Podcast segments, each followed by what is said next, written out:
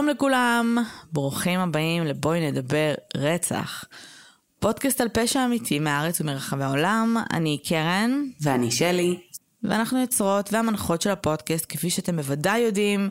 אמ, זה פודקאסט על פשע אמיתי באווירת סלון קיזואלית, כשבכל פרק מישהי מאיתנו, מאיתנו מביאה איזשהו קייס שהיא רוצה לדון עליו, וזה בדיוק מה שאנחנו עושות.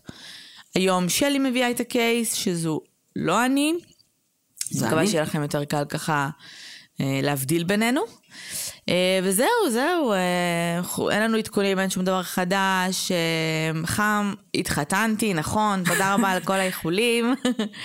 היה סופר לא- מרגש, בכינו. כן, מה שאתם נראה לי לא יודעים זה ששלי בגדול חיתנה אותנו. היה לנו מין טקס אלטרנטיבי, אלטרנטיבית, שלי ואח של מיש. אה, ואני כן אוסיף ואומר שהסופש הכיפי ממש היה החתונה שלנו שהייתה סופר סופר אינטימית והייתה ממש ממש כיפית.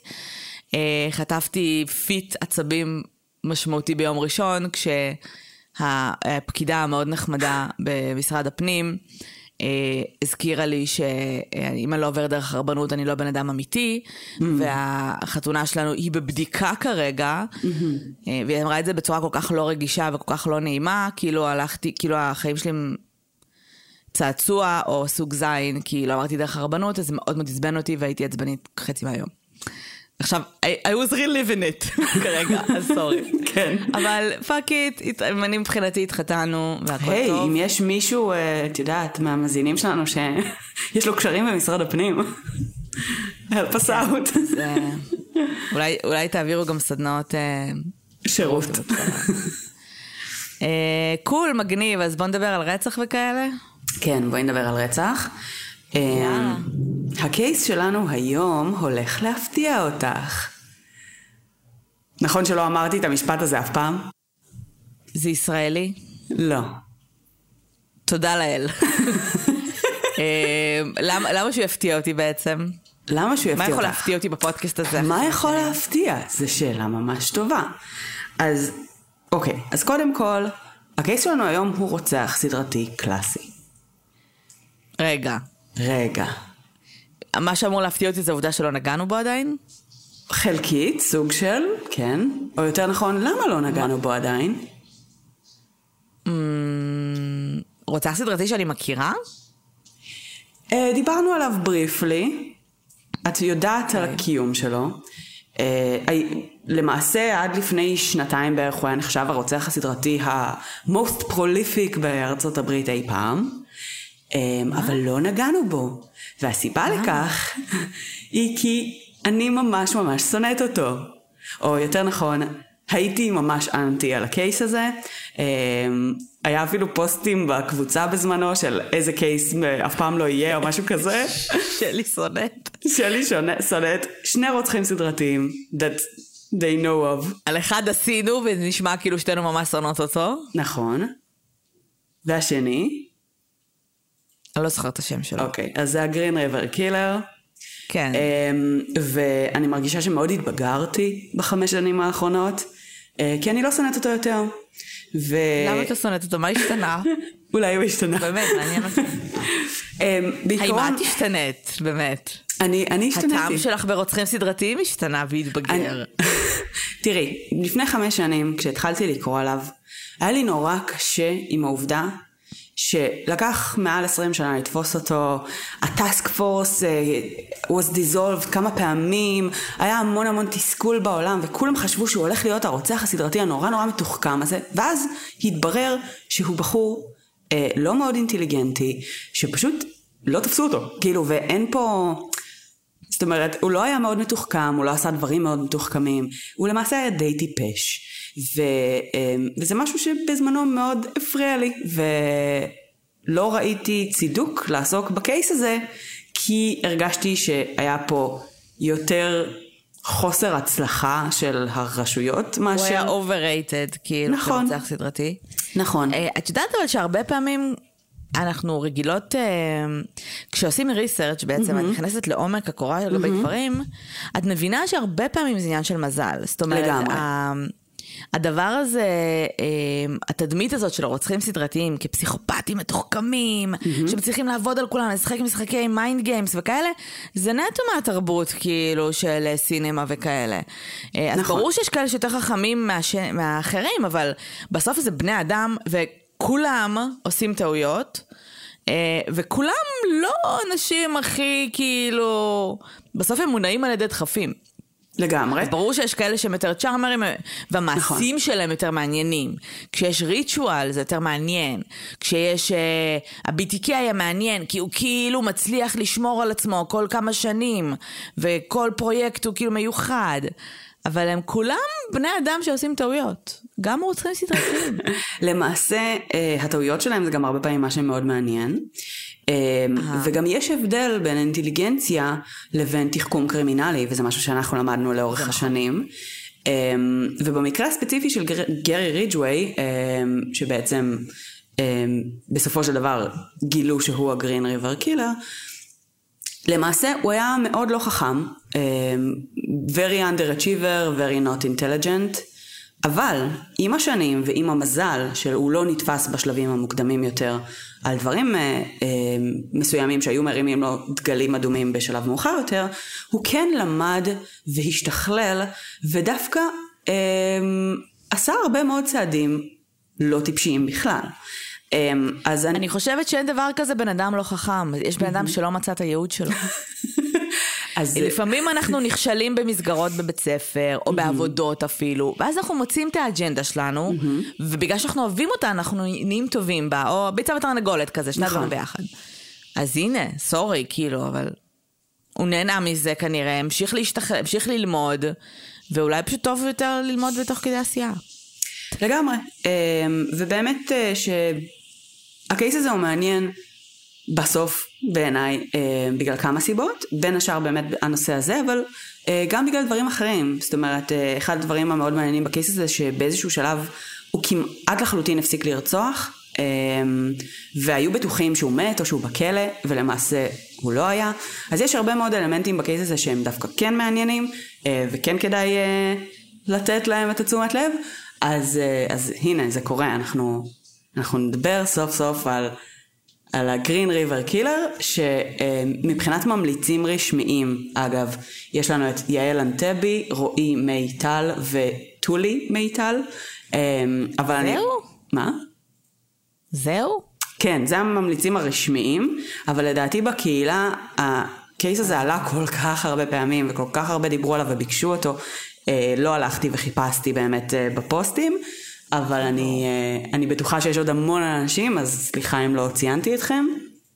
בהחלט קייס אה, מאוד פופולרי, מאוד מוכר ועם המון ש... המון ידע. כשאמרת שזה קייס שהולך להפתיע אותי, את יודעת מה עבר לי בראש לחצי שנייה? מה? שתהיי כזה, אז היום אנחנו, כי אני ושלי דיברנו גם לפני, ואני יודעת מאתמול שהיא עשתה, שהיא עשתה מלא זמן ריסרצ' על הקייס הזה, לא ידעתי על מה היא עושה, אבל שהיא עשתה הרבה זמן. אז uh, לחצי דקה עברה לי המחשבה שכזה, אז היום אנחנו נדבר על uh, זדורוב. ואני כזה... אוי, לא. אבל זה עבר לי תוך חצי שנייה. לא, לא. כן. לא, אין סיכוי שאני עושה את זה לרוב לבד. אוקיי. כן. Um, סבבה. אז, אז בעיקרון באמת, כמו שהרגע ציינת, זה קייס שאני חושבת שיצא לי לעשות עליו את הריסרצ' הכי ארוך שאי פעם עשיתי, לא כי...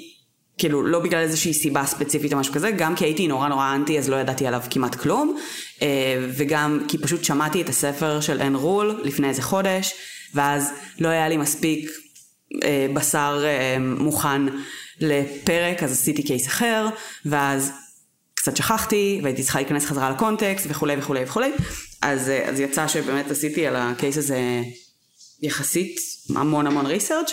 אה, גם יש, אה, יש לא מעט מידע, בגלל שהוא כל כך גדול, בגלל שהוא כל כך מפורסם, אה, אז יש הרבה דברים לדבר עליהם. אז אני מקווה שנצליח לדחוס את זה בפרק אחד.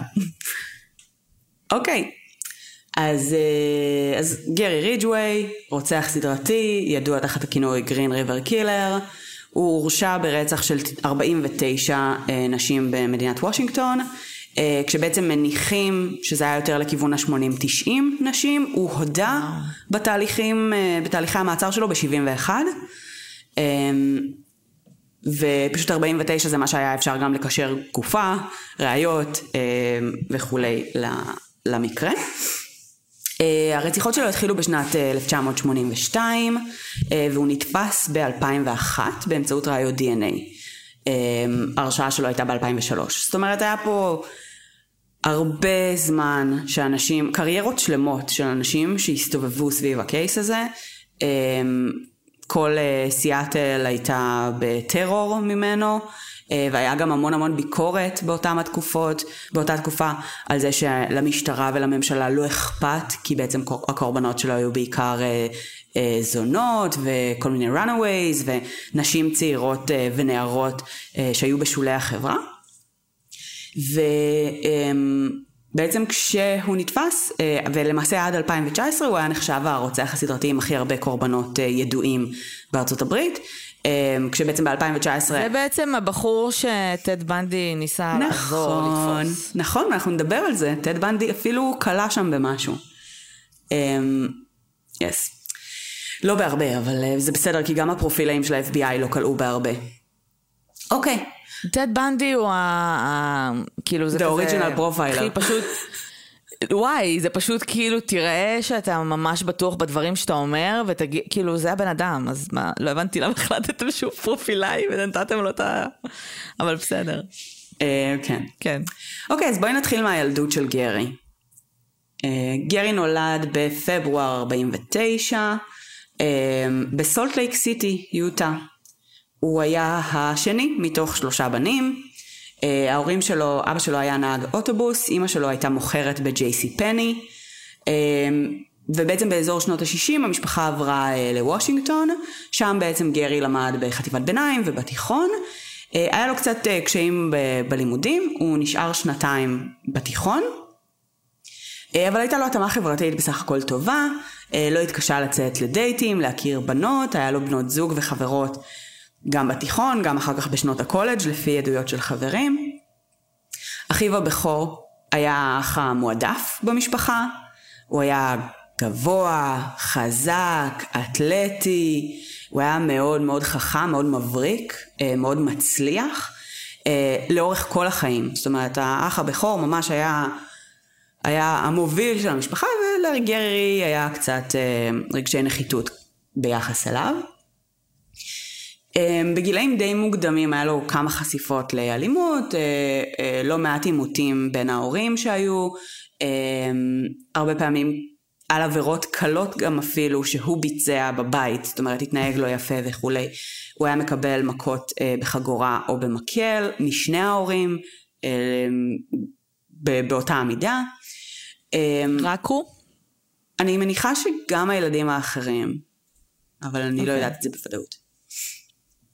כן חשוב להגיד שבגלל שהוא היה קצת פחות מבריק, קצת פחות זה, יכול להיות שהוא גם למד יותר לאט. בדיוק. כן. אמ, אבא שלו היה נוהג להתלונן הרבה על נוכחות של אה, אה, זונות בדרכים, אה, כנהג אוטובוס הוא היה רואה אותן כל הזמן וזה היה נורא מפריע לו והוא היה מתלונן על זה ורבלית. אמ, מה אכפת לו? מה, הם חסמות לו את הכביש? שאלה מצוינת. מה אכפת לו כאילו? זה מאוד הפריע לו, אוקיי. הן מלכלכות את השכונה. הבנתי. אמ, אנחנו יכולים לראות אצל גרי ריג'ווי את אה, מה שנקרא שילוש מקדונלד, גם בגילאים יחסית צעירים, אה, יש תיעוד שהוא בגיל צעיר יחסית ביצע הצתה, לא הצלחתי למצוא פרטים יותר אה, מפורטים על מה היה המקרה הזה ספציפית. אנחנו יודעים, ועל זה יש יחסית הרבה מידע, שהוא סבל מהרטבות חוזרות במיטה עד לגיל מאוחר, 13 בערך, ממש גיל נעורים. אמ, ויש עדויות של התעללות בבעלי חיים, כולל מקרה שבו הוא אה, סגר חתול במקפיא, עד שהוא מת פשוט בתוך המקפיא. אוי לא. אמ, בהחלט. אה, כמו שאמרתי קודם, הוא לא היה מאוד מבריק, הוא היה דיסלקטי, אמ, וה-IQ שלו, מעריכים שהוא היה באזור ה-80 הלא מאוד גבוהים. לאורך כל חייו היה לו קשיים אקדמיים, אה, קשיים לימודיים. בבית הספר הוא היה חלק מבעצם אוטובוס ייעודי לילדים בעלי מוגבלויות, בעקבות בעצם הדיסלקציה שלו והקשיים הלימודיים שלו.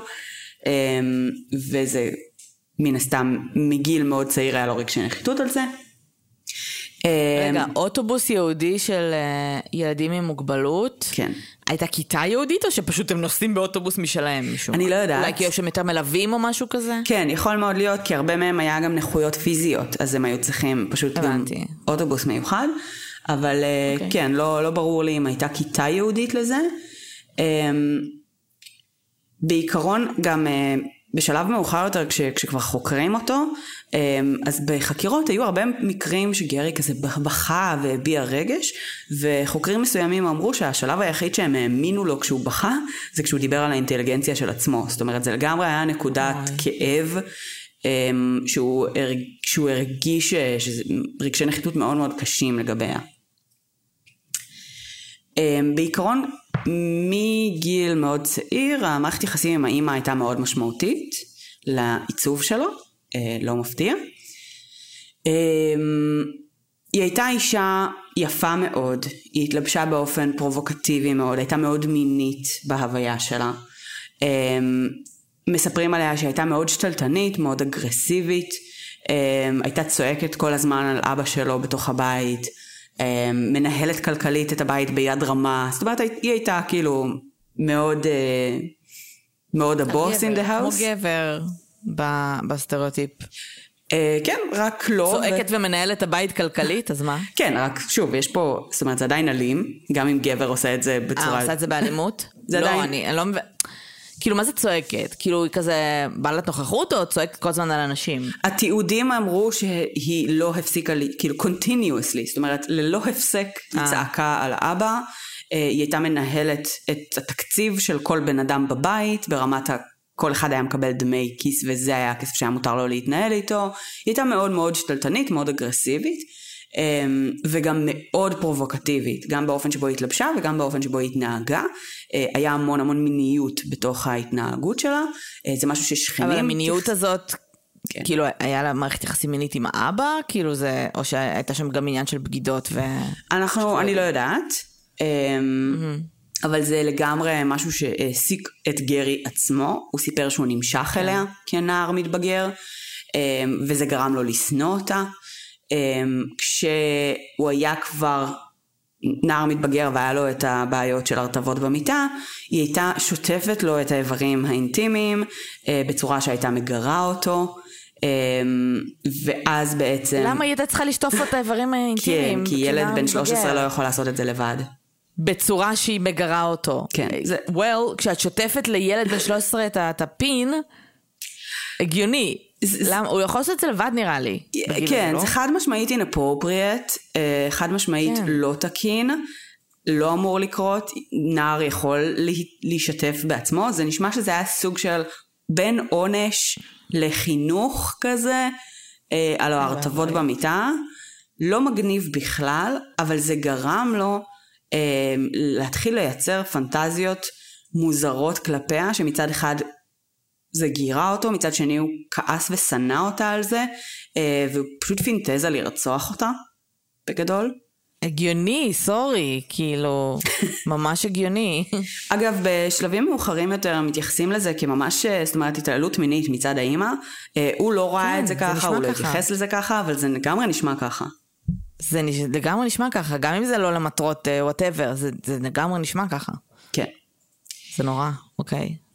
Uh, הניסיון הראשון שלו לרצח uh, קרה כבר כשהוא היה בן 16. Um, בעצם הוא פגש ילד בן 6 בגן משחקים, לבוש בחליפת קאובוי, והילד אמר לו בוא נשחק ביחד.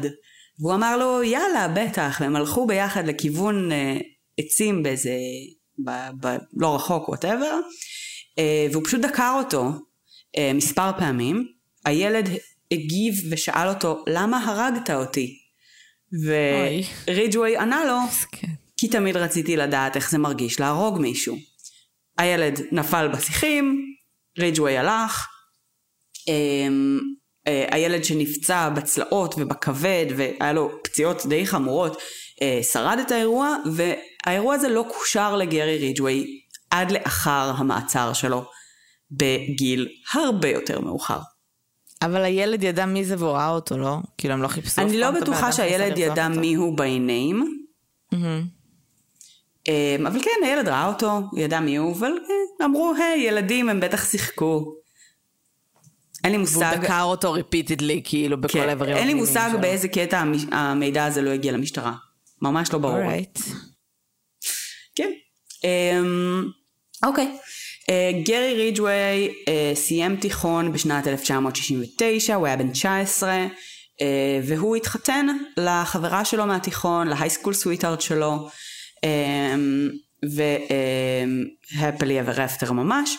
אמ, אממה, כל ילדי הריג'ווי התגייסו לצבא, ובשלב הזה, אחרי בעצם שהוא סיים את התיכון, אז הוא התגייס ונשלח לווייטנאם, שם הוא שירת על ספינת ציוד, וראה גם קצת קרבות, לא משהו אה, מאוד אה, מפורט ממה שאני יודעת, אה, אבל בתקופה שם, בעצם אה, החיילים היו מקיימים יחסי מין עם אה, עובדות מין בצורה די קבועה, והוא קיים יחסי מין עם נשים רבות ולעיתים תכופות, אה, והוא נדבק בזיווה.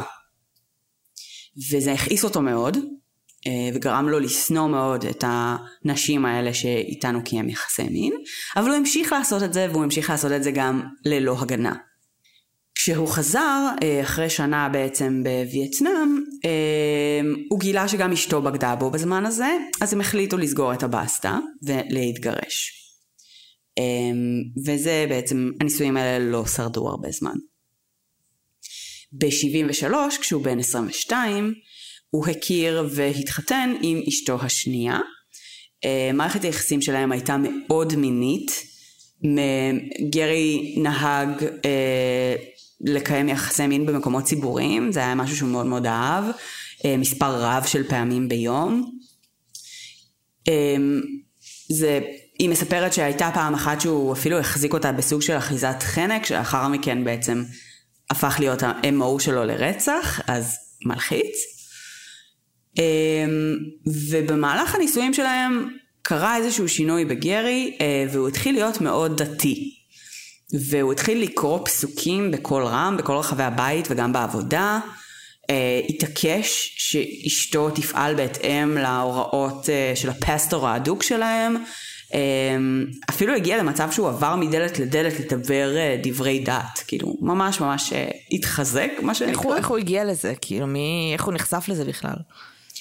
אה, היה להם איזשהו pastor אה, שהם היו הולכים אליו, זאת אומרת, אני מניחה שהדת הייתה שם גם מהילדות שלו בצורה כזו או אחרת, אבל איפשהו פה הוא מאוד אה, התקרב לדת ונהיה מאמין, אה, והוא היה אפילו בוכה לעיתים תכופות אחרי שהוא היה קורא פסוקים ודרשות, הוא היה כאילו ממש לוקח את זה profoundly, מה שנקרא. אה, ולאורך כל התקופה הזאת הוא המשיך ללכת לעובדות מין ולרכוש את שירותיהן, אה, למרות הגישה הדתית שלו, אה, ועדיין גם להתעקש על יחסי מין פומביים עם אשתו בזמנים, מקומות ומצבים לא לגמרי נאותים, כולל במקומות שאחר כך בעצם הוא היה משליך בהם גופות, אזורים ש... שהיו ידועים כאזורי השלכה שלו. אה, אחרי שנתיים ב, כנס, כאילו ביחד נשואים, נולד להם בן. אמ, אבל חמש שנים נוספות אחר כך, ב-1980 הם התגרשו. אמ, וגם פה הם התגרשו כי בעצם שני בני הזוג בגדו אחד בשני, בגדול. אמ, לא ברור לי איך היה להם זמן ביום עם כמות המין שהם עשו, אבל בסדר. זהו, הוא הולך ל... לזונות ו... ועושה מלא מין איתה, וכאילו, מתי? אין לי, לא ברור, אבל איכשהו. איכשהו תמיד לרוצחים סדרתיים יש אקסטרה זמן. לא ברור. האמת שכן. בכלל, האנשים ש... כאילו, גם אנשים שבוגדים, אני אף פעם, כאילו, מספיק קשה נכון. לי עם, אח... עם אחד. כאילו, אני לא מבינה מתי יש לכם זמן גם לעבוד נגיד. אני מניחה שאין להם תחביבים מעבר לזה. עדיין, זה כאילו... לא יודעת, אני לא מצליחה להבין את זה, באמת. גם אני לא. בכל אופן, גם בנות זוג אחרות שלו לאורך החיים, כאילו לאו דווקא אנשים שהוא היה נשוי עליהם, דיברו על זה שהיה לו רעב מיני מוגבר מאוד, והדרישה הזו של הכמה פעמים ביום, ובמקומות מוזרים, זה משהו שכן חזר אצל כמה בנות זוג, אבל לא אצל כולם, אה, באופן מפתיע. לגבי מערכת היחסים שלו עם זונות, אה, בואי נדבר על זה רגע. בעיקרון, כל החיים שלו היה לו סוג של love-hate relationship עם uh, עובדות מין, הוא היה מתלונן עליהן פומבית מול uh, חברים, uh, כאילו כזה, כמו שאבא שלו היה עושה, שכאילו זה היה נורא מפריע לו, הקיום שלהן ברחובות, שהן בכל מקום וכל מיני כאלה, um, אבל כן היה הולך אליהן באופן קבוע. היו נשים שהוא היה מגיע אליהם כמה פעמים, לקוח חוזר, מייצר איתן מערכת יחסים, קרבה לכאורה אמיתית, ולפעמים בסוף הורג אותן, לפעמים לא. אמ, כזה. אה, ובעצם ב-82 אמ, הוא נעצר בהקשר למקרה של אה, חניקה, של עובדת מין בזמן שביצעה עליו מין אוראלי, והוא טוען שהיא בעצם נשכה אותו וזה היה סוג של הגנה עצמית. אמ, זה נפתר די בקלות העניין הזה. לא, לא קיבל פה איזשהו משהו משמעותי, זה די uh, התמסמס, uh, אבל זה כן היה on the record, הדבר הזה. Mm-hmm. Um, הרציחות בעיקרון התחילו אחרי הגירושים השניים שלו. זאת אומרת, בשנת 80 um, uh, הוא הרגיש מאוד נבגד, הוא היה מאוד כועס. על אשתו השנייה והוא הרגיש גם מאוד כועס על נשים בכללי, אימא שלו, שתי אנשים שעזבו אותו, כל החוויה באמת ביחד ומ-82 באמת הכעס שלו עולה, מתחיל להתגבר אה, והוא מתחיל לרצוח. אה, והוא רוצח בעצם נשים אה, שהן בעיקרן או, או שהוא חושב שהן עובדות מין או שהן באמת. הרבה מהן היו נערות שברחו מהבית פשוט והסתובבו ב, ב, באזור הספציפי הזה שהיה אזור של מעמד סוציו-אקונומי יותר נמוך וחלק מהם באמת כן היו ידועות בעצם באזור שבו יש מתן שירותים כאלה או אחרים. אמ, הוא טוען אה, בעצמו שהוא איבד ספירה, הוא לא יודע כמה באמת הוא רצח, הוא אה, היה many, אה, אבל הרוב המוחלט של הרציחות היה בשנתיים הראשונות שלו, בין 82 ל-84, אמ, שהוא היה אוסף אותן בעצם לאורכו של אותו כביש מרכזי, ה strip, אמ, ורוב הרציחות בעצם קורות או אה, ברכב עצמו, או אצלו בבית, או באזורים המבודדים האלה שאחר כך גם הפכו להיות אזורי השלכה. אה, הוא היה מצליח לזכות באמון שלהם, אחרי שהעניין הזה כבר התחיל להיות ידוע שזונות מתחילות להירצח פה, אה, על ידי זה שבעצם הוא היה מפזר ברכב שלו צעצועים של הילד שלו, והיה לו תמונות של הילד שלו באוטו, ו... נורא קל לסמוך ככה על בן אדם. כן. זה עצוב, אבל כן, ברור. הוא מספר גם שהוא היה מראה להן את רישיון הנהיגה שלו בקטע של הנה אתן יכולות לראות מי אני, איך קוראים לי, אמ, הרבה פעמים או שהוא היה מסתיר עם ה... זהו, לפעמים הוא היה מסתיר עם האצבע את השם, לפעמים הוא לא היה מסתיר כי הוא גם ככה ידע שהוא מתכוון לרצוח אותן. זה מה שאני אומרת, אמ, לפעמים כשאתה לא צריך להסתיר כלום, הוא לא מתכנן להשאיר כן. עדים, זה לא בהכרח אומר שהוא לא מסוכן. לגמרי, ו... והוא גם היה מציע להם הרבה פעמים שכר גבוה, זאת אומרת, mm-hmm. כאילו, משהו ש... קשה לסרב לו כשהוא ידע שהוא גם ככה לא מתכוון לשלם הרבה פעמים. כן.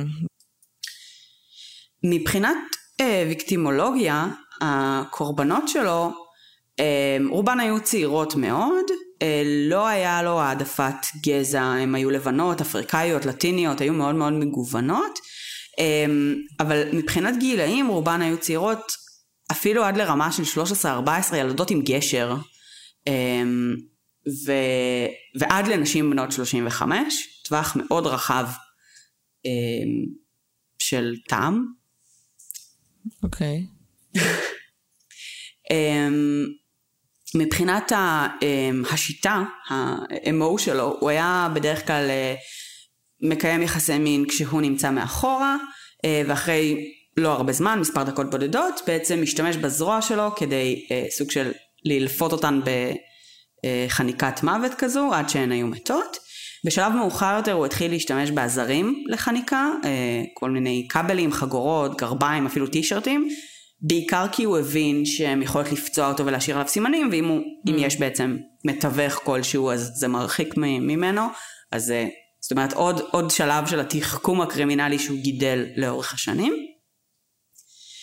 אמ, את הגופות לרוב הוא היה משאיר אה, לאורכו של הגרין ריבר אה, בכל מיני לנדמרקס אה, מרכזיים, הרבה באזור שקרוב לשדה התעופה של סיאטל, שזה גם אזור שהרבה פעמים הפך אזורים שהיו מקומות רצח, כי גם היה שם הרבה מאוד רעש, לא היו שומעים אם הייתה צעקה או משהו כזה, כי בכל זאת מטוסים ממריאים ונוחתים שם. אמ, והיו כמה גופות שהוא אה, ככה בשביל הפאן לקח מעבר לגבול והניח אותן בעצם במדינות אחרות כדי פשוט לשגע את הרשויות ולעשות להם קצת יותר עבודה קשה. אה, גם סוג של תחכום שהוא גידל לאורך התקופה, לאורך השנים, כשהוא התחיל לראות את, ה, את החקירה ואת המאמצים שלה אה, ואיפה הוא יכול לחבל בה. אה, הוא היה נוטה להשליך את הגופות במקבצים, זאת אומרת אה, כמה בכל פעם בדרך כלל באותו אזור. אה, מרבית הגופות נמצאו ערומות, חלקן הונחו בתנוחות מסוימות, חלקן לא. לעתים הוא היה חוזר לגופות בימים שאחרי, צופה בהן נרקבות, מקיים איתן יחסי מין. הוא סיפר שהוא לא הייתה לו איזושהי חיבה מיוחדת לנקרופיליה, אבל אה, זה פשוט עזר לו לא להיתפס בכמה ימים האלה, כי הוא לא היה צריך לחפש קורבן נוסף. אמ, כן בשלב מאוחר יותר הוא התחיל לקבור אותן כדי להימנע מהדחף הזה, זאת אומרת, זה היה קצת, קצת too much בשבילו כנראה. למה זה, מה זה הגיל אותו? כאילו... Uh, אני לא יודעת, אבל, uh, אבל הוא כן uh, אומר שבאיזושהי נקודה הוא כאילו ניסה לה, למנוע מעצמו uh, לחזור אליהן. אוקיי. Okay. Okay. Um, כן. הרבה מהגופות uh, נמצאו אחרי תקופה ארוכה. Uh, זאת אומרת, uh, בשלב שבו הם כבר נותרו רק עצמות, uh, הרבה מהן לא זוהו, או שהיה קושי רב בלזהות אותן. ובאתרי ההשלכה שלו הוא הרבה פעמים היה גם משאיר כל מיני ראיות שיבלבלו את הרשויות, כל מיני בדלי סיגרת שהוא אסף, he wasn't a smoker, um, כל מיני טקסטים ומכתבים של אנשים זרים, אה, חתיכות מסטיק שהוא היה עושה. זה מתוחכם. זה מאוד מתוחכם וזה מאוד מפתיע, בהתחשב בעובדה שאנחנו יודעים מה מנת המשכל שלו. זאת אומרת, הוא באמת למד והשתפר לאורך השנים אה, עד לרמות מאוד מאוד מרשימות. לא, לא מובן מאליו. היו מספר פעמים שהוא אה, אה, תחב חפצים לווגינות של הקורבנות שלו. אה, אחר כך זה קצת אה, סוג של גרם לזה שתפסו אותו, אנחנו נדבר על זה, אבל זה לא היה קורה המון. אבנים אה, אה. ואובייקטים שהוא פשוט מצא. אז הנה, אמרתי שהוא מתוחכם קרימינלית, and then you go and do something like כאילו שילד בן שמונה מרגיש שהיה עושה מסקרנות כן. ולא מ... אוקיי, whatever. כן, אולי הוא בדיוק. באמת ניסה כאילו להימנע מלחזור אליהן. אין כן, לא יכול להגיד על זה. אה, זה נשמע שהוא גם היה קצת בקונפליקט עם עצמו לגבי זה, כאילו, גם, שוב, אמרנו את זה קודם, שבאיזשהו שלב הוא הפסיק לרצוח, והוא ממש ניסה לה, להפסיק, הוא ניסה להיגמל, והוא לא הצליח. כן. או, או יותר נכון, הוא, הוא ברובו הצליח, אבל לפעמים היה לו נפילות. אמ, אז אה, כש... כשהגופות התחילו להתגלות והם נמצאו כל פעם כאילו איזה חמש-שש גופות בטווח של אה, כמה ימים בודדים, אז uh, באמת הוקם אותו ה task force, תוך כמה ימים הבינו, אוקיי, יש לנו פה רוצח סדרתי, כאילו חד משמעית, לא היה ספק לגבי זה. וב-84 uh, באמת ראינו את בנדי uh, על המוטיבציות של הרוצח לדעתו, והוא נתן את ה insight שלו. ואחד הדברים העיקריים שבנדי אמר ובאמת היו לעניין, זה שהוא אמר ש, ש, שהגרין ריבר קילר חוזר כדי לקיים יחסי מין עם הגופות, והוא המליץ להם שאם הם מוצאים אתר קבורה טרי, אה, או השלכת גופה טריה, אה, שפשוט ישאירו אותה שם ויערבו במשך כמה ימים ואז הם יוכלו לתפוס אותו. אה, מה שהיה מאוד נכון בפועל, ברוב המקרים הם לא מצאו את זה בפרק זמן שהוא יחסית קצר מהמוות, בגלל שזה היה באזורים מיוערים וכולי, אבל, אבל זה באמת היה עובד כנראה, אם הם היו מנסים לעשות את זה. ב-83, שנה אחרי הסיפור שהיה לו עם ה... שהוא נעצר עם העובדת מין ההיא, שהוא חנק אותה, uh, הוא כן עלה בהקשר של החקירה של הגרין ריבר, גם כי בעצם he was spotted באזורים האלה, גם בגלל הרקורד שכן היה לו. Um, uh, אבל בתכלס הסיבה שהוא עלה פה על הרדאר, uh, זה כי בעצם בן זוג סלש סרסור של קורבן, ראה אותו בעצם, ראה אותה בטראק שלו, אה, ואותם נוסעים away. ו... והוא החליט לעקוב אחריהם. והוא עקב אחריהם ברכב עד שהוא איבד אותם באיזושהי פנייה. אה, והוא החליט לחזור אחר כך, אחרי שהוא איבד אותם, ולחפש באזורי מסביב. והוא באמת הגיע לבית שבחניה שלו היה טראק שהיה נראה כמו הרכב אה, שאחריו הוא עקב. הוא הפנה את המשטרה לאותו הבית, והמשטרה הגיעה לשם, דיברו עם גרי בדורווי, אה, הם הכירו אותו, והם אפילו לא נכנסו לתוך הבית, היא עדיין הייתה בתוך הבית, בשלב שהם היו שם. אוי לא. והוא פשוט אה, לא נבדק מעבר לזה, בזאת נגמרה החקירה עליו, והמידע הזה גם לא עבר הלאה, כך שלא היה הצלבה של המידע הזה עם הטאסק פורס, אה, עד לשלב הרבה יותר מאוחר. ב-84 עוד פעם, היה איזשהו קישור והזמינו אותו והוא עבר בדיקת פוליגרף. אה, והוא עבר אותה מאוד בהצלחה. אה, והוא בעצם נפסל כמועמד, אה, כחשוד בקייס. ועוד שלוש שנים עברו, שבשנים האלה בעצם הוא עדיין איכשהו המשיך לצוף ולהיות. היה איזשהו חשוד מרכזי אחר שהזריק את עצמו לתוך החקירה ובלבל להם את הצורה לגמרי. אבל עדיין ריג'ווי היה שם איפשהו ברקע, וב-87 החקירה החליטה לקחת ממנו דגימות רוק ושיער, just in case. אה, אנחנו עוד לפני ראיות אוקיי. DNA. מה? סבבה, שעכשיו הם כאילו מחליטים לאסוף איזה שהם ראיות פורנזיות ממנו. כן, למרות שקחי בחשבון שבשלב הזה ראיות פורנזיות הן הרבה יותר חלשות כי אנחנו פרי עידן ה-DNA ואנחנו, הרמות התאמה שאפשר להגיע אליהן הן מוגבלות, אבל החליטו לקחת ממנו את הדגימה ליתר הביטחון אמ, ולשמור את זה פשוט, וזה נשמר במאגרים אה, עד 2001 למעשה. וב-85 אה, גרי מכיר את ג'ודית. ג'ודית הופכת להיות אשתו השלישית, הם מתחתנים ב-88. Mm-hmm. ובעצם מתוך הקורבנות הידועים, מתוך ה-49 ש... שהם כאילו בוודאות הקורבנות שלו, רק שלושה אה, קרו בעצם מהרגע שהוא הכיר את ג'ודית. זאת אומרת, הוא ממש, ממש ניסה להיגמל, אה, היה לו רק שלוש נפילות אה, that we know of, כנראה היה יותר אה, ש... מאלה שאנחנו לא הצלחנו לאתר אחר כך, אבל אה, בסך הכל הקיל רייט שלו מאוד מאוד ירד בצורה מאוד דרסטית, מ-5-6 ביום גופות שהיו מוצאים, לבאמת שלוש בשנים. הם היו נשואים אה, באזור ה-13-14 שנה, ומערכת היחסים שלהם הייתה מאוד טובה, מאוד מוצלחת, הם היו מאוד מאושרים. כשהיא נכנסה לבית שלו לא היה שטיח בבית. אה, ואחר כך השוטרים אה, אמרו לה שהסיבה שלו היה שטיח זה כי כנראה הוא השתמש בו כדי לעטוף גופה באיזשהו שלב. כן, סביר אמ, להניח. הוא רצח הרבה מאוד נשים במיטה שבה את ישנת, אה, אבל מצד שני, היא קצת אה, בדיעבד היום אומרת לעצמה שהיא מרגישה שהיא הצילה חיים, כי העובדה שהם היו מאושרים ביחד גרמה לו באמת לרצוח לא, הרבה לא, פחות. לא לרצוח. אוקיי, אז כן. את יודעת, כל אחד כן. אומר לעצמו את מה שעוזר לו. אני מבינה אותו, זה בסדר. לגמרי. כאילו, whatever makes you feel a little bit better. ממש.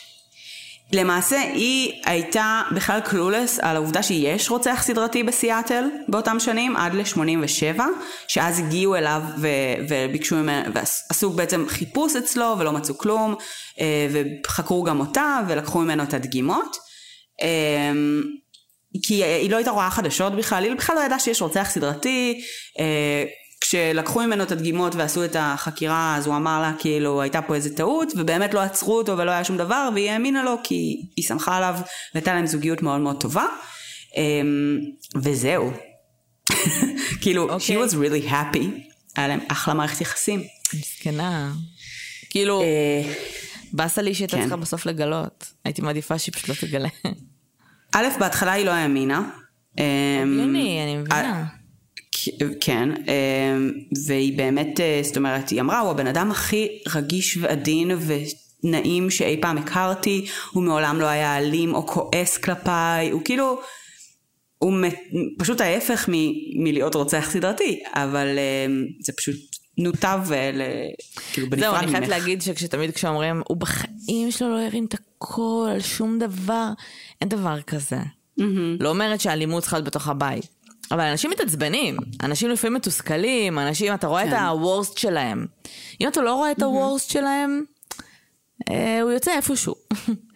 כן. במקרה הרע זה כרוצח סדרתי, אבל הוא יוצא, יכול, יכול לצאת בעוד הרבה, הרבה צורות והרבה מקומות שאולי אתם לא רואים.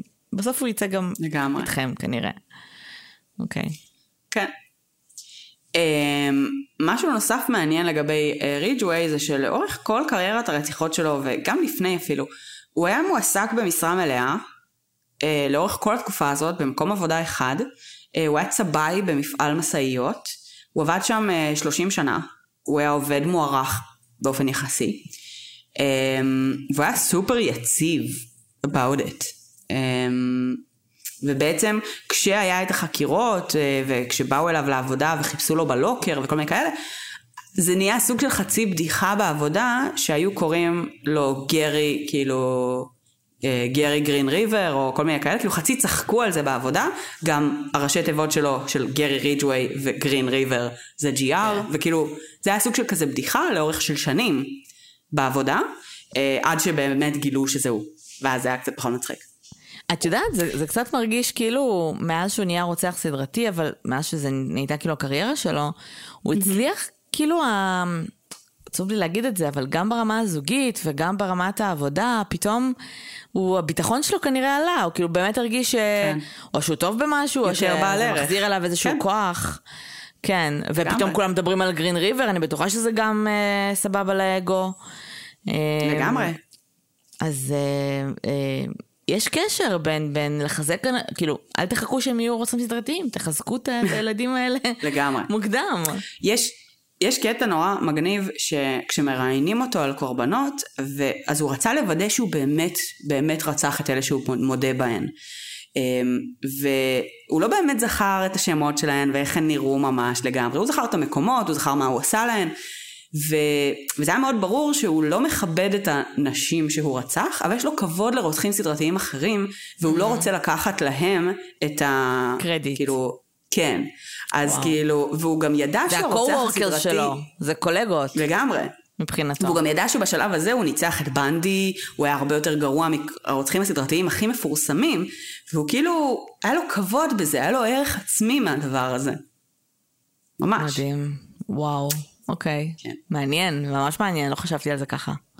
כן. ב-2001 אה, נשלחו דגימות DNA אה, שהשתמרו בעצם מהקורבנות לבדיקה. אותם אה, אבנים שהוחדרו לווגינה של מספר קורבנות אה, בעצם גרמו לכך שגופה שנשלחה לנהר אה, עדיין הכילה בתוכה דגימת זרע שהשתמרה. והדבר הזה בעצם נשלח לבדיקה וזה טעם ל-DNA מהרוק והשיער של גרי ריג'ווי שנלקח ב-87 וזה קישר אותו למספר בודד של קורבנות, 3-4, לא המון. אבל, אה, אבל הם, היה להם את זה, היה להם את הסלאם דנק שלהם, הם ידעו שיש לו את זה, אה, הם הצליחו לקשר קורבן אחד נוסף אליו אה, על זה שמצאו עליה שאריות צבע, רסיסי צבע, שטעמו לחומרים שהשתמשו במפעל שהוא עבד בו, זאת אומרת חומרים שהוא השתמש בהם כצבעי. אמ, והצליחו באמת אה, לחבר אותו למספר אה, נמוך, אבל הבינו שהם לא יצליחו לקשר אותו לכל הרציחות, וזה יהיה מאוד חבל. הרבה מאוד משפחות שלא יקבלו closure, ולכן החליטו להציע לו עסקת טיעון, ובעסקת טיעון הזו הציעו לו אה, בעצם להוריד את העונש מוות מהשולחן, אה, אבל שהוא יודה בכל הרציחות שהוא אה, ביצע, וגם כאלה עתידיות שאולי יתגלו, גופות שעדיין לא נמצאו, נעדרות שעדיין לא אה, נמצאו, ויש ראייה כלשהי שיכולה לקשר את זה שזה חלק מה, מהקורבנות שלו, אה, ושהוא יעזור להם למצוא בעצם אה, נעדרות נוספות, אה, אתרי קבורה נוספים, אה, בעצם יחשוף אה, עוד, אה, עוד קברים. עבורו זה נראה לי ממש פרטיאדה. כן, בגדול כן. Um, הוא היה במעצר חמישה חודשים, שבמהלך התקופה הזאת הוא ישב בחד... ישן בחדר החקירות שבו ראיינו אותו. Um, והוא דיבר ימים שלמים על הרציחות, לקחו אותו לטיולים ביערות להראות איפה הגופות. לחוות הוא היה- מחדש את הרצח, בכיף שלו, אחלה. כן. נתנו לו מתנה אה, בגדול. נכון, הוא נהנה מזה מאוד. אמ, ו... לקחו את אה, הטיולים. כן. טוב הוא הודה כזה ב- תשאירו אותי לבד פה חמש דקות, תבואו עוד חמש דקות ב- במקום הספציפי הזה. הוא גם היה נורא נעים, ובחור כן. מאוד אה, נחמד, ובסך הכל החוקרים נהנו בחברתו. אה, כאילו הם היו מגיעים בבוקר והיו כזה, hi גרי, וכזה רוצה קפה, ואז כזה, oh fuck, כאילו. כן, אנשים לא. מבינים את זה, אבל רוב האנשים הם כאלה. זה לא שאתה בא ואתה כזה, oh my god, אני בא לדבר עם רוצח סדרתי, ואתה נכנס לחדר והוא כזה. לא, זה בן אדם. כן. כאילו שיש לו גם אופי, והסיבה שהוא הוא כרגע. רוצח סדרתי, כנראה שיש לו אופי סבבה, שלא עלו עליו מלא שנים, אז כאילו, כנראה שלא רשום לו רוצח סדרתי על, המ- על המצח. כן, אה, כנראה שאם הוא לא נתפס כל כך הרבה שנים, אז אה, הוא עובר מתחת Yeah, לרדאר איכשהו. בדיוק. כן. אז, אה, אז באמת הוא הודה במהלך התהליך הזה ב-71 רציחות, בפועל אה, 48 אה, חוברו אה, ממש לפי, ל, ל, לקורבנות והצליחו אה, למפות אותן היטב, 42 מתוכם היו ברשימה של המשטרה כקורבנות של הגרין ריבר קילר, זאת אומרת, כן. יד... רק חיכו שהוא יודה בזה. אוקיי, אז בעצם היה משפט שהיה סוג של עסקת טיעון, אמ, ונתנו לבני המשפחה אה, כל אחד להגיד כמה מילים בשביל אליו, כדי שהוא קצת יחווה את הנזק שהוא עשה. אז, אמ, אז 48 משפחות שונות בערך אה, אמרו לו כמה מילים, הרבה מהם קיללו אותו ואיחלו לו למות וכל מיני כאלה, היה כמה כאלה ש... אמרו לו שהם סולחים לו, ושהם אה, לא הולכים לשנוא אותו כל החיים שלהם כי הוא לא שווה את זה, וכל מיני אה, God stuff וכל מיני עניינים. כן. ובסופו של דבר הוא קיבל אה, 48 מאסרי עולם, ללא אפשרות לחנינה, זאת אומרת אין לו שום דרך תיאורטית, משפטית לערער, ו- ובאמת להגיע ל... להפחתה של העונש, כשבנוסף ל-48 מאסרי העולם הוא קיבל גם 10 שנים פר רצח, זאת אומרת כפול 48, אה, על שיבוש הליכי חקירה ושיבוש ראיות, אה, זאת אומרת עוד 480 שנה. נפלא. נפלא.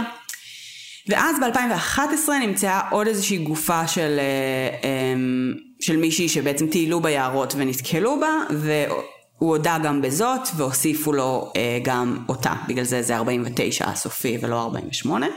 יש עוד כמה כאלה שנמצאו לאורך השנים, והוא כן הודה בהם, אבל לא בהכרח הצליחו לקשר את זה אליו, או כל מיני כאלה, אז, אז כאילו 49 זה המספר הרשמי. אה, זה, זה בעיקרון, כאילו, הסיפור של הקייס. אה, פרט מידע מעניין אה, שנתקלתי בו, בעצם אנחנו יודעים שבתקופה של בנדי ואותם שנים, אה, התחילה להתהוות בצורה יותר רצינית ומשמעותית ה-Investigative Support Unit, בעצם יחידת הפרופילאות של ה-FBI. אה, וכמובן שרוצח הסדרתי אה, הנורא ביותר שהיה בארצות הברית עד לאותו רגע, אה, כמובן שבנו לו פרופיל ועבדו איתם, ועבדו עם ג'ון דאגלס עצמו, אה, שהיה גם מעורב בחקירה של בנדי.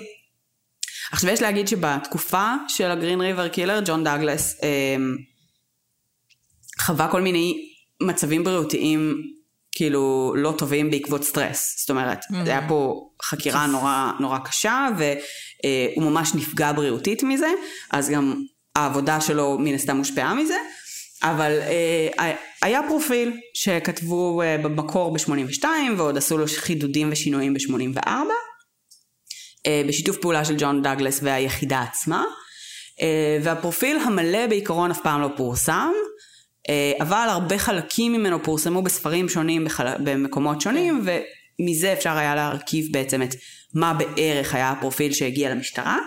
בפועל הפרופיל שהגיע למשטרה היה לא מספיק קונקרטי בשביל שיהיה להם משהו לעשות עם זה, הם לא כל כך ידעו איך להתנהל עם זה. ו... איך להתנהל, מה יש לנו לעשות עם זה? כאילו איך הם אמורים לחפש ככה את הבן אדם. כן, הוא גם לא היה מספיק ספציפי, היו בו קצת סתירות פנימיות, ובאמת לא, לא כל כך עזר להם בתהליך.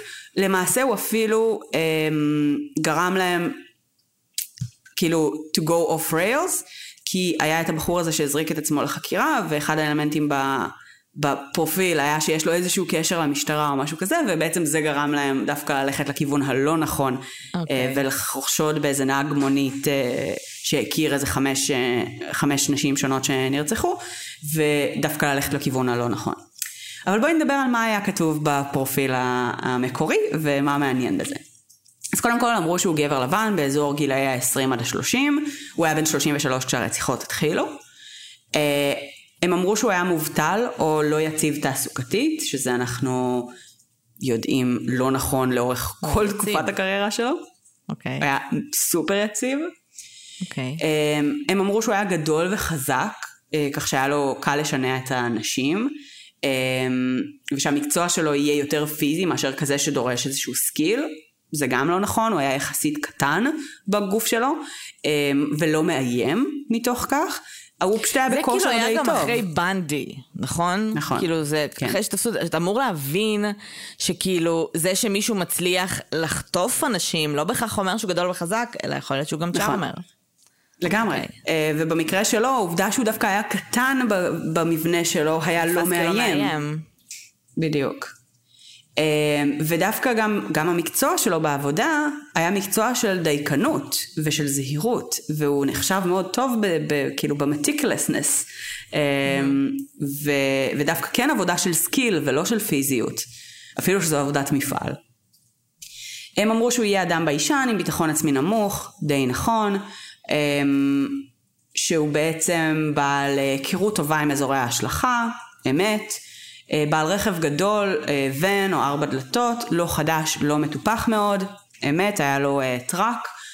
אמ, הם אמרו שהוא בעצם בעל כעס רב לנשים בכלל, ותחושה בעצם שהן יזנו את עצמן עבור כל דבר, אה, וזה, כשהוא היה רואה אותן עושות את זה בפועל, זאת אומרת, רואה זונות ברחוב, זה היה מרתיח אותו, זה היה, היה לו ממש קשה אה, להתמודד עם זה, שזה היה נכון, זה באמת היה איזשהו כעס שהוא התמודד איתו.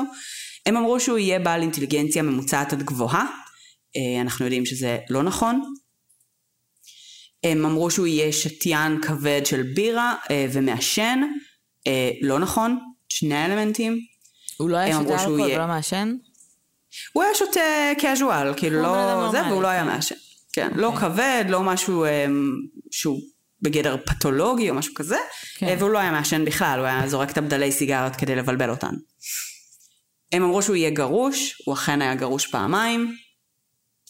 הם אמרו שהוא יהיה צרכן זנות אה, ושרוב המפגשים שלו בזנות יהיו לא אלימים ולא יסתיימו ברצח, שזה נכון.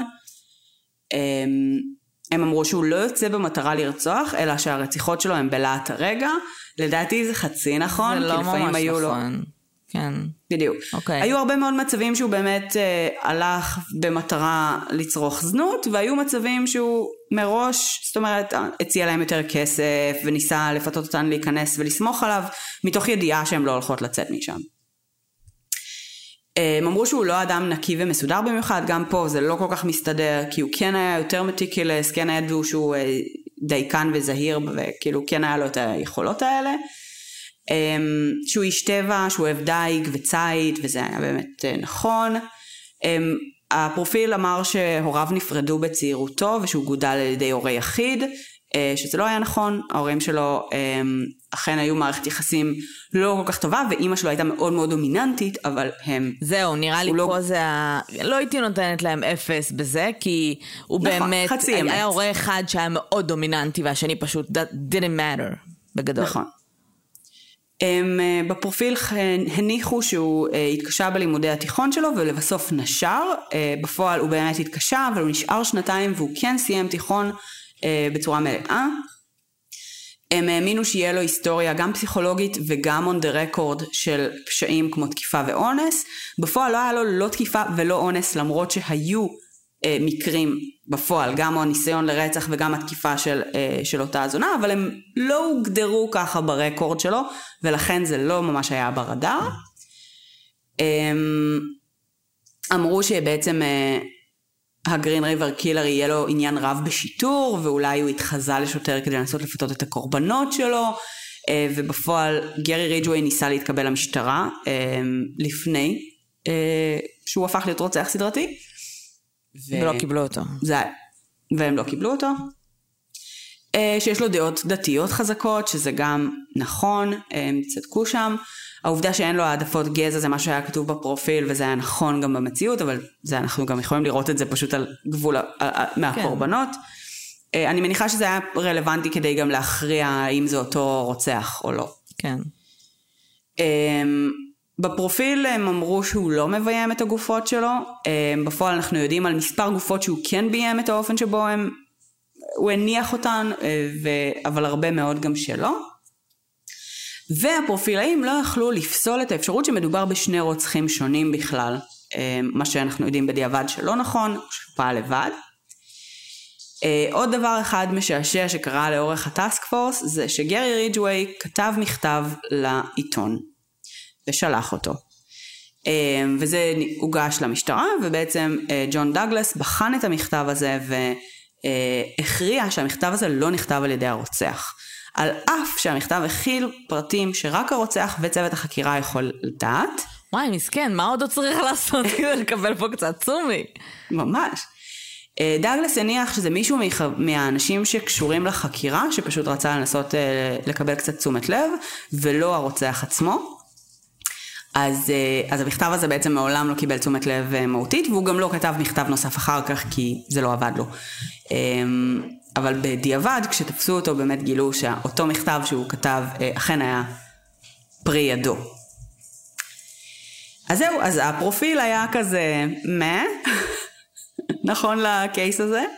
אה, כן. אה, היו דברים אה, שבאמת היו קרובים, אבל בתכלס, אם הייתי קוראת את הפרופיל הזה בלי התוצאה הסופית, לא הייתי מגיעה לריג'ווי כנראה. לא, אני מדמיינת כזה הילבילי גדול, נכון? כאילו... הילבילי גדול, גאון כזה לא שלא יציב. מבינים אותו. שזה מוזר, שתיין. אתם אומרים שיש לו אינטליגנציה גבוהה. מצד שני אתם אומרים שהוא לא מתוחכם קרימינלית והוא לא יציב והוא שתיין והכל אצלו אימפולסיבי.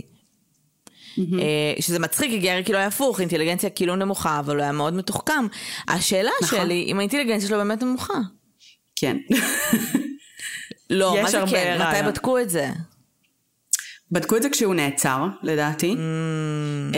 ואת גם שומעת את זה ברעיונות איתו. זאת אומרת, זה מאוד ברור שהאינטליגנציה שלו לא גבוהה, אבל הוא, הוא כן היה טוב במשהו. הוא היה טוב בלהיות רוצח סדרתי. אולי אנחנו צריכים לחשוב שוב על uh, המדדים שלנו לאינטליגנציה, סליחה. לגמרי. הבן אדם, כאילו, יש שם תחכום קרימינלי, הבן אדם היה כרוצח נכון. סדרתי, אורגנייזד. נכון. תראי, צריך לזכור גם שהניסיון לרצח הראשון שלו היה בגיל 16. הרצח הראשון שלו היה בגיל 33. היה לו המון המון זמן לשכלל את הטכניקות שלו. ומהרצח הראשון שלו... שזה גם מרשים. כאילו, נכון, הוא, נכון, נכון. הוא שכלל דברים עד שהוא בכלל התחיל, כאילו, העובדה שהוא הצליח נכון. להתאפק, הם הרי תיארו אותו כאימפולסיבי וכאלה. הוא הצליח להתאפק נכון. מגיל 16 ועד גיל 33, זה גם מרשים. ואז עוד 20 שנה של קריירה. תחשבי כן. שאומנם השנתיים הראשונות היו המשמעותיות ביותר, והרבה מהרציחות היו שם. אבל 20 שנה שבהם הוא כן המשיך לרצוח כל הזמן, וכל פעם הוא קצת למד עוד משהו, בלבל עוד קצת את הרשויות, עשה עוד משהו מתוחכם. היה לו המון המון זמן להשתכלל. בתכלס. כן? מעניין. אז uh, הוא קצת יותר מסתם טיפש, שלא רציתי לעשות עליו קייס בזמנו.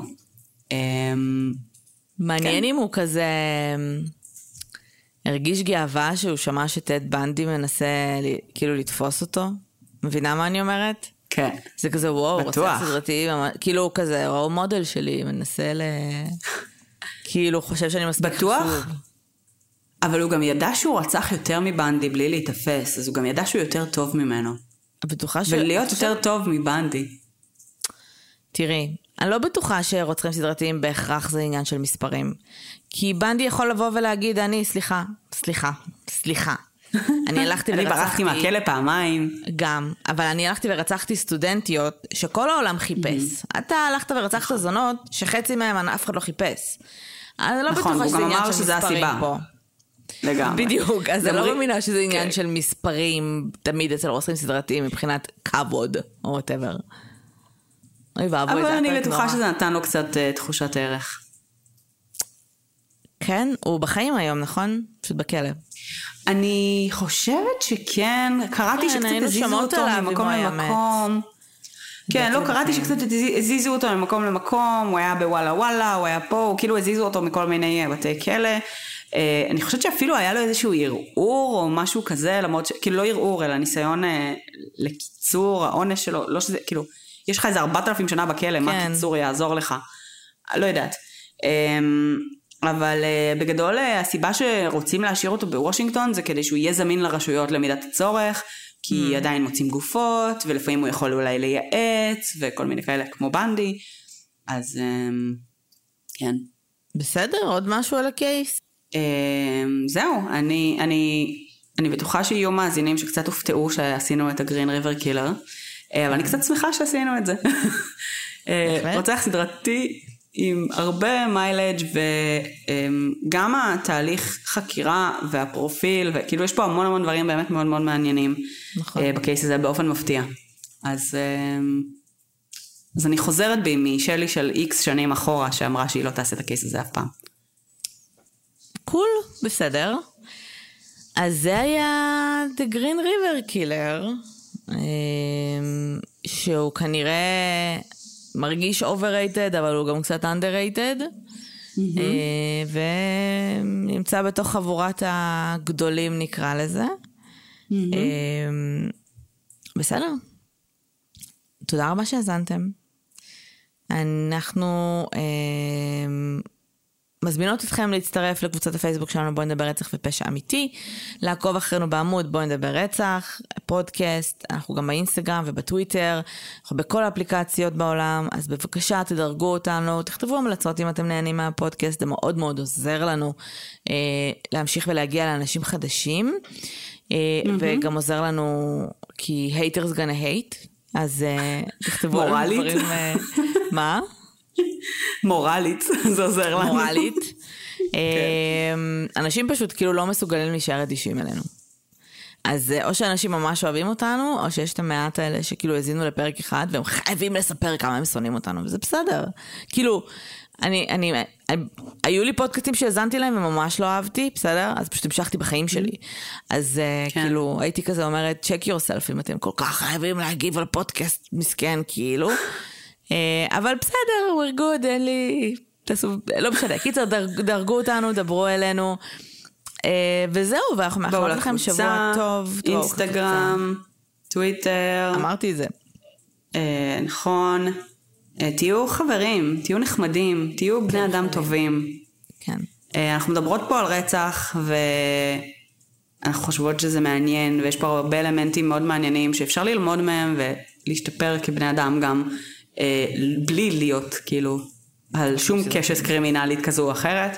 ברור. אה, אפשר ללמוד הרבה על החברה שלנו ועל בני אדם, ופשוט כאילו תהיו בני אדם סבבה. כן. זה ה... כן. אמ, וכאילו תנו לילדים שלכם להתקלח בגיל ש- 13 לבד נראה לי, גם הרבה לפני. וואי, ממש, ממש, זה כאילו ממש גם... יעזור ליק... לעולם, ש... שכאילו. לא. לא תקלחו אותם. זה יגרום להרבה... כן. לירידה דרסטית בכמות רוצי הסדרתיים בעולם, באמת, נשבעת לכם. יש יותר מדי רוצחים סדרתיים שהאימהות שלהם קילחו אותם בגיל מבוגר. די, כן, מספיק. כן, מספיק. תפסיקו. ברגע שהילד מסוגל להתקלח לבד, תנו לו לעשות את זה. כן. תודה.